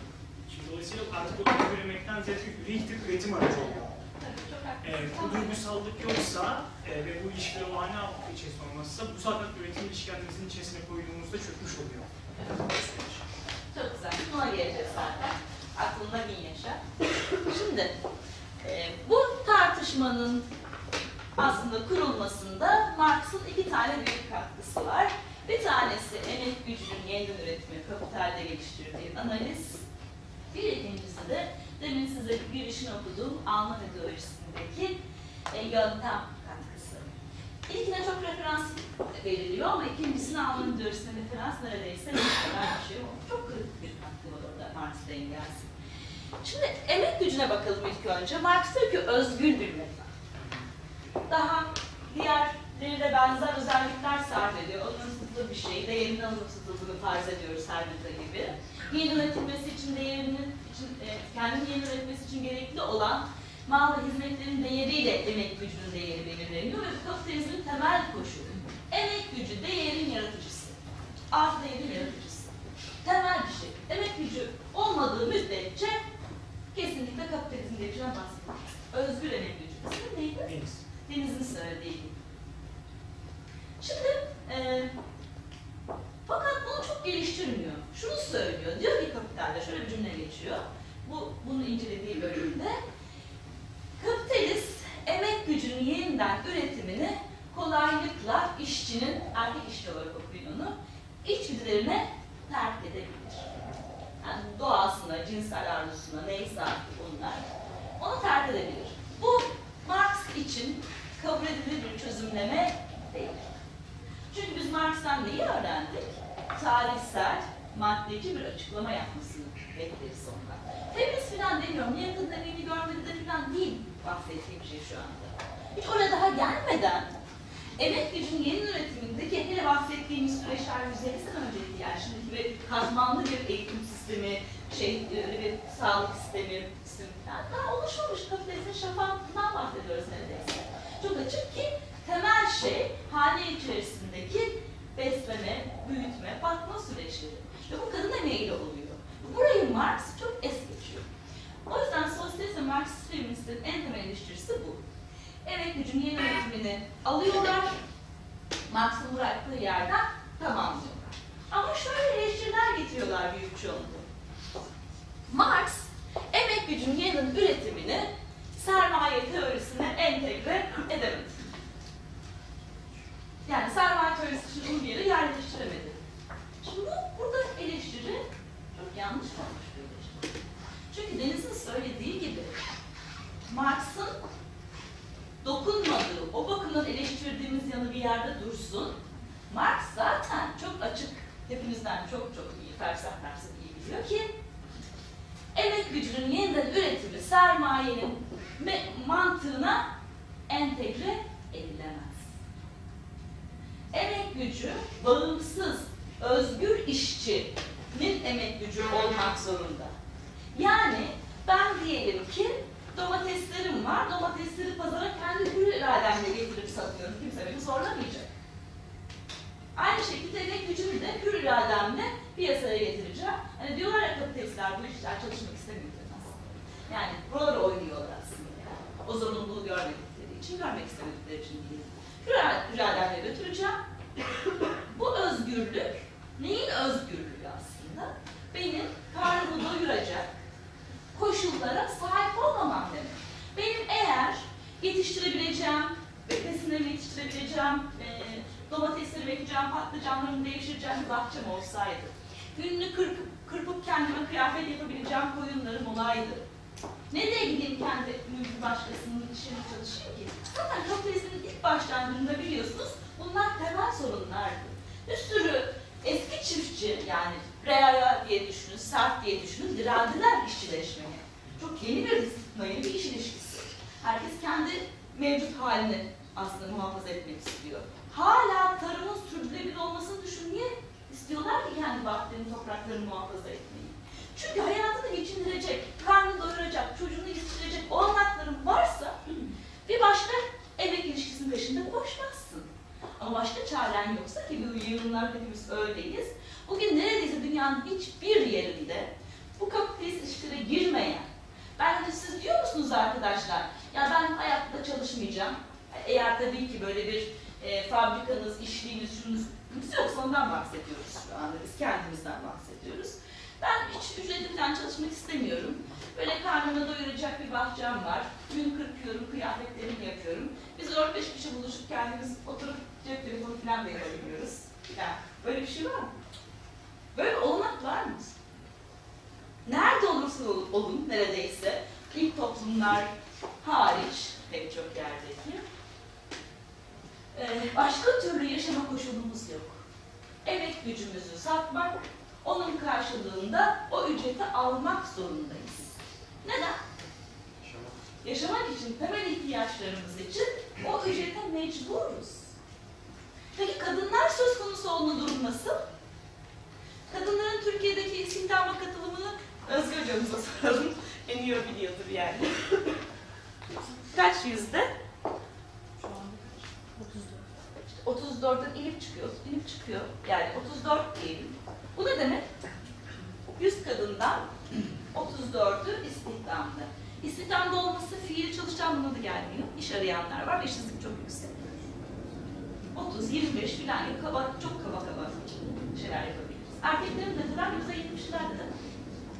Şimdi bu ne demek? Kadınların büyük çoğunluğu çalışabilir durumdaki kadınların büyük çoğunluğu yaşantılarını sürdürmek için gerekli olan gelire sahip değil. Çöp tasavvur edelim. Kaç gün aç kalabilirsiniz? Kaç gün çocuğunuza bakabilirsiniz? Kaç gün o hayatı sürdürebilirsiniz? O faturaları hiç düşünmüyoruz bile yani. O halde kapitalizmde bir şey oluyor ve kadınlar erkeklerin o esas e, norm olan ücretli işçi olma hali kadınları hane içerisinde erkeklere bağımlı hale getiriyor. Bu yeni bir şey. Yani kadınlar hane içerisinde emek süreci sarf ediyorlar ama esas olarak meta üretim ilişkilerine nispeten daha e, tali biçimde katılıyorlar. Daha eksik biçimde katılıyorlar. Ama insanlık tarihinde bakın antik Yunan'daki aristokrat kadınlar dışında aslında pek çok dönemde avcı toplayıcılar olsun, işte reayalar olsun, serfler olsun, köle kadınlar olsun her birisi üretim sürecinde hane içindeki ya da neyse bakım sürecinin her zaman hane da değişiyor. Değişik biçimlerde altı da o emek süreci bulunmakla birlikte diğer üretim ilişkisine dair emek süreçlerinde bir fiil üretirler. Yani feodal toplumda reayayı düşünün. Reayayı düşünmek kolay bir şey değil ama eğer ki büyük babalarınız, büyük anneleriniz köyle bağlantısı olan varsa bunu çok iyi bilirler. Kadınlar da fiil üretirler. Ve bu işin güçle alakası yoktur.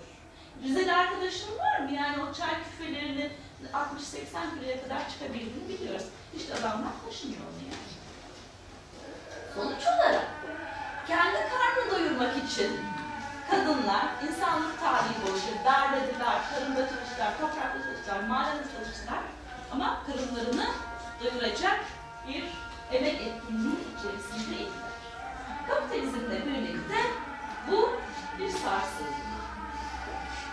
Değişti. Ücretli işin işin içine girmesi ve bunun aslında sınırlı bir iş gücüne ihtiyaç doğurması sebebiyle kadınlar hep hali iş gücü olarak bulundular. Şimdi bu ücretli işle hali içindeki işin ayrılmasının yarattığı kadınlar için en büyük sorunlardan bir tanesi bu. Hali içerisinde bir emek süreci içindeler. Çok hayati bir emek süreci olsa bile değerli bulunmuyor, kıymetli bulunmuyor, bir gelir, gelir yaratmıyor. Ama ne yaratıyor? Bir bağımlılık. Kadının bu işlerle meşgul olmasının ötürü istihdama tam olarak katılamadığı için o adamın, babanın, kocanın, sevgilinin, abinin, neyse oğlun gelirine bağımlı. Hayatta kalmasının koşulu o gelirin, o dolayım olarak o adam üzerinden kadına bir hayat koşulu sağlaması. Bu günümüzdeki e, bağımlılığın kadın erkek arasındaki ilişkinin aldığı özgür formlardan birisi. Bu ilişkiyi kimi sosyalist ve Marksist feministler e, kadınların kapitalizmde ezilmesinin temel hali, yegane biçimi olarak tarif ediyorlar. Ama buradaki sorun şu, niye bu ayrışma oldu?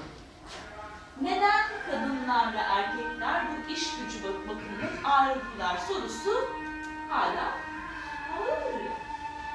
Niye bu tam tersi olmadı? Kaldı ki kapitalizm kimi zaman için kadınları istihdama çekiyor mu? Çekiyor. Ta başlangıcından beri böyle. Bugün de öyle. Krizlerde türlü türlü şeyler yapıyor. Önce kadınları çıkarıyor da tam tersi erkekleri çıkarıyor, kadınları ikame ediyor. Falan. Ama ne oluyor da hala bu emek süreçlerinden, hane içerisindeki emek süreçlerinden kadınlar sorumlu tutuluyor. Bunun biyolojik bir gereği var mı? Yani gebelik, doğum, emzirme gibi biyolojik süreçler dışında erkeklerin yapabile- yapamayacağı tek bir emek etkinliği söyleyeyim hani hane içinde ben bana. Her şeyi yapıyorlar. Çok açık yani. Ücretli iş haline geldiklerinde bu emek süreçlerinin her birisinin erkekler tarafından hatta prestij kazanarak karşımıza çıktığını görüyoruz. Şey, mesela büyük şefler falan hepimiz böyle şey duyuyoruz. Bunun türlü biçimleri var gerçekten. Şimdi bu ayrışma o günümüzdeki koşul, günümüzdeki kadının ezilmesini bir açıkladığı gibi o eşitsizliğin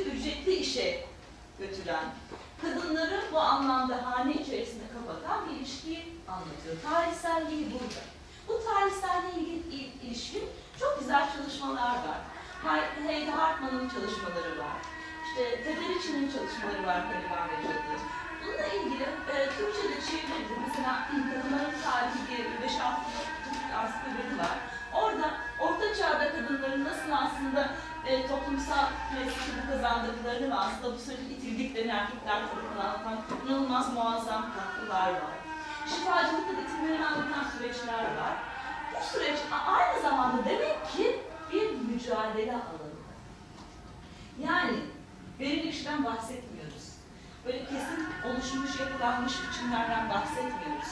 Tam tersine yüzyıllar boyu süre giden ve e, o eşitsizliğin kendini yapılandırdığı, her üretim ilişkisiyle farklı biçimlerde ilişki kurduğu ve kadınların ezilmesinin her üretim tarzında özgün formlar kazandığı, biçimler kazandığı bir hareketten bahsediyoruz. Kadınların zaman zaman direndiği, mücadele ettiği, canından olduğu, yakıldığı bir süreç bu süreç aynı zamanda. On binlerce kadın yakıldı. Niye? Bir bakın, sonuçta görüyorsunuz, kadınların toplumdaki güç kazanma süreçleri, emek süreçleri kim zaman paralel gidiyor ve zanaatçı oldukça, aslında özgür cinselliklerini savunmaya başladıkça kadınlar ciddi bir devletten, mevcut otoriteden, erkeklerden, dinden ciddi kiliseden bahsediyoruz. Ciddi bir direnç görüyorlar. Ve işte kadınların kapitalizme o eşitsiz biçimde girmelerinin bir yanı da aslında bu mücadelenin sonucunda ortaya çıkıyor. Bunun içerisinde dediğim gibi bakın 16. yüzyıla kadar bakarsınız 12. yüzyıldan itibaren kadınların saatlerde zanaatçı olduğunu görürsünüz. Ama öyle bir şey oluyor ki ücretli emek giderek yükseldikçe ve kapitalizm bir, e, bir aşamaya geldiği andan itibaren bu ayrışma netleşmeye başlıyor cinsler arasındaki. Paris'te saat e, yapıcıları şöyle bir karar alıyorlar, sanatçılar bunlar. Kadınlar kesinlikle artık sa- saat üretiminde yer almasın. Belediyede bunların genelgeleri yayınlanıyor. Bütün, bütün bu bilgiler var artık elimizde. Ve bu, buna eşlik eden mesela bilgi ne? Artık hane içerisinde e, çocukların bakımının kadınları gerektirdiği, iyi annelik, iyi ahlak falan gibi normların oluşturulmaya başlandığı, moral değerlerin katılmaya başlandığı, bununla beraber emek ayrışmasının tohumların atıldığı süreçler bu süreçler. Bunun gibi sadece mesela biracılık. Yüzyıllarca kadın işi olmuş. Bloomer sözcüğü bira yapan kadın demek. Kadınlar yapıyormuş bu işi. Bugün hala pek çok toplumda kadınların bira içmesi ve makul ve iyi bir şey olarak karşılanmıyor. Yani in- insanlık tarihindeki bu sürecinde, şunun için bunları örnekliyorum, bir emek ilişkisi üzerinden yürüye giden bir mücadele de var. Sadece hane içerisindeki işin kendi başına kadınlar işi olması değil aslında, üretim tarzıyla il- ilişkili emek e, etkinliklerinden kadınların itildiğini de görmek lazım. Atıldığını, yakıldığını ve bu sürecin biraz da böyle okunması gerektiğini. Şimdi bütün bunları birleştirdiğimizde ne görüyoruz? Toplum analiz etmek için aslında bizim bütün emek süreçlerini birbirinden değerli kılmadan ve birini birine indirgemeden birlikte ele almamız lazım. Eğer hane içerisindeki kadınların yeniden üretimle ilgili emek sürecini bir kapitalist üretim süreci olarak görürsek ki değil. Bir iş sözleşmesi yok. İşçi sermaye arasında bir emek sömürüsü söz konusu değil. Emek sömürüsü varsa bu başka tahmin edilmeli. Ama altı değer sömürüsü yok. Bir değer yaratım süreci değil kesinlikle. Meta üretim süreci değil. Bu süreç kapitalist rasyonellerle açıklanacak bir süreç değil. Başka ataerkil eşitsizlikleri incelememiz lazım bunu anlayabilmek için. Ama bu şu anlama gelmiyor. Kapitalizm Karışmalı sözcüğüz kapitalizme de inanılmaz başından beri söylemeye çalıştığım bu. Kapitalizme de inanılmaz katkılarda bulunuyor. Kapitalizmin o yüzden yalanlandığı da bir süreç. Nasıl dedik? Ülkede işçi ordusu oluşturuyor. Kadın arası iş çektiği, gittiği. Nasıl? Daha düşük ücretler verebiliyor mesela. Böyle bir katkısı var. Öte yandan çok güzel, e, hiç ücret vermeden ona bir emek gücü, insan yaratıyor. Öyle değil mi? Karşılığı yok bunu. Bu emek gücünün değerini düşürür mü? işte burada bir sömürü var mıdır? Ciddi bir tartışma e, zemini yaratmış. Özellikle 70'ler 80'ler boyunca bu tartışılıyor. Ve burada bir nasıl tarif edeceğiz diye. Bu tartışmalara bakabilirsiniz. Ama bir değer ilişkisinden bahsetmek mümkün değil. Ama şunu yapıyor, kapitalizme bir e, ücretli işçiyi hem bir insan olarak biyolojik süreçlerde, bakım süreç olarak e, getiriyor, önüne getiriyor kapitalizmin. Hem de her gün yeni üretimini sağlayan bir süreç bu. Değerini düşürür mü? Bu çok çok katmanlı bir tartışma. Ama şu kadarını söyleyebilirim arkadaşlar. Özellikle krizlerde görünen süreci söyleyeceğim size. Şimdi şu son dönem içinden geçtiğimiz kriz nasıl bir şey yarattı? Her birimiz bunu kendi hallerimizde yaşıyoruz öyle değil mi? Yani masraflar artıyor ama hane geliri düşüyor. Ya göğül olarak düşüyor ya da hakikaten mutlak olarak düşüyor. E, bu durumda biz ne yapıyoruz mesela? Daha az miktarda yemek yiyoruz, doğru mu? Daha az sosyal etkinliklere katılıyoruz.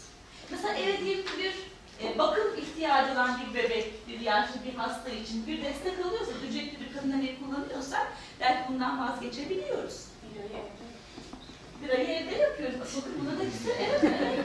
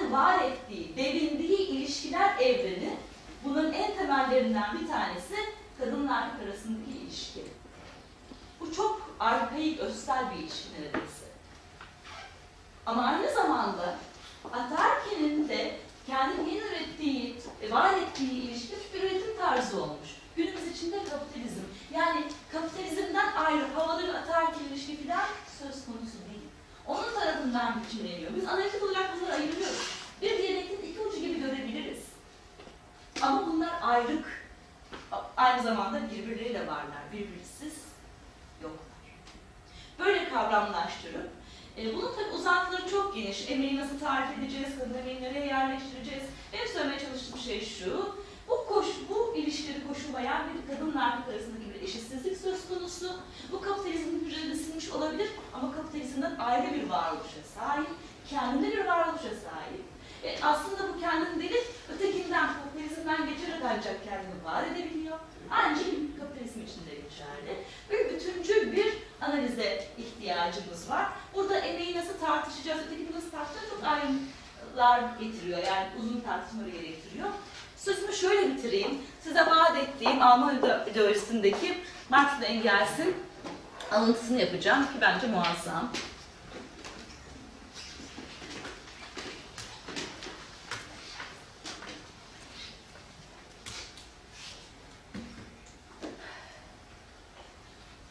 Şimdi birincisi demişlerdi ki maddi yaşamın yeni üretimidir, üretimidir. İlk uğrak, moment diyor. Almanlar gibi söyleyelim diyor Marx Engels, Alman felsefesini eleştirdiği için.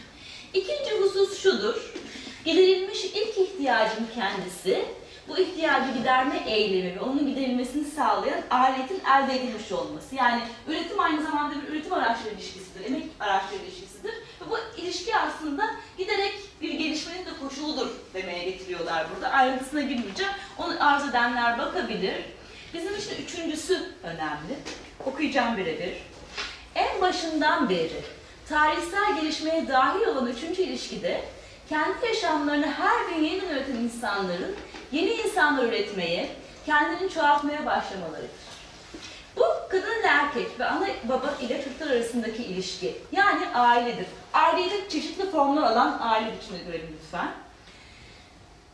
Başlangıçta tek toplumsal ilişki olan bu aile daha sonra işte artan ilişkilerle değişmiştir diye anlatıyorlar.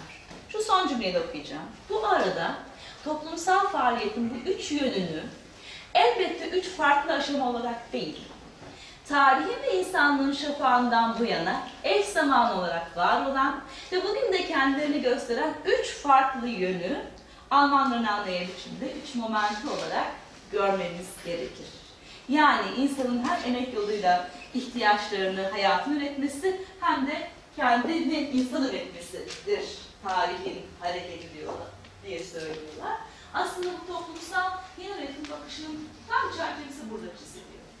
Yani biz ihtiyaçlarımızı gideriyoruz ama ihtiyaçlarımızı giderirken kendimiz üretiyoruz. Bu ikisinin, ikisi işte bir üç saat önce bu oldu, beş saat önce bu oldu, bileyim üç sene önce bu vardı gibi değil. İkisi her zaman için, her toplum için temel olan temel faaliyet momentleri. Bu işte bize aslında Marx'ın e, vaat ettiği, bir temel eleştiri Marx'ta bu. Almanya teorisinde 1844-45'te böyle bir çerçeve çizerek bir yol açıyor. Ama kapitalde bu çerçeveden giden bir analiz göremiyoruz ne yazık ki. Kendi vaadini yerine getirmemiş oluyor. Ama yine de muazzam toparlamış oluyor. Ben burada bitiriyorum.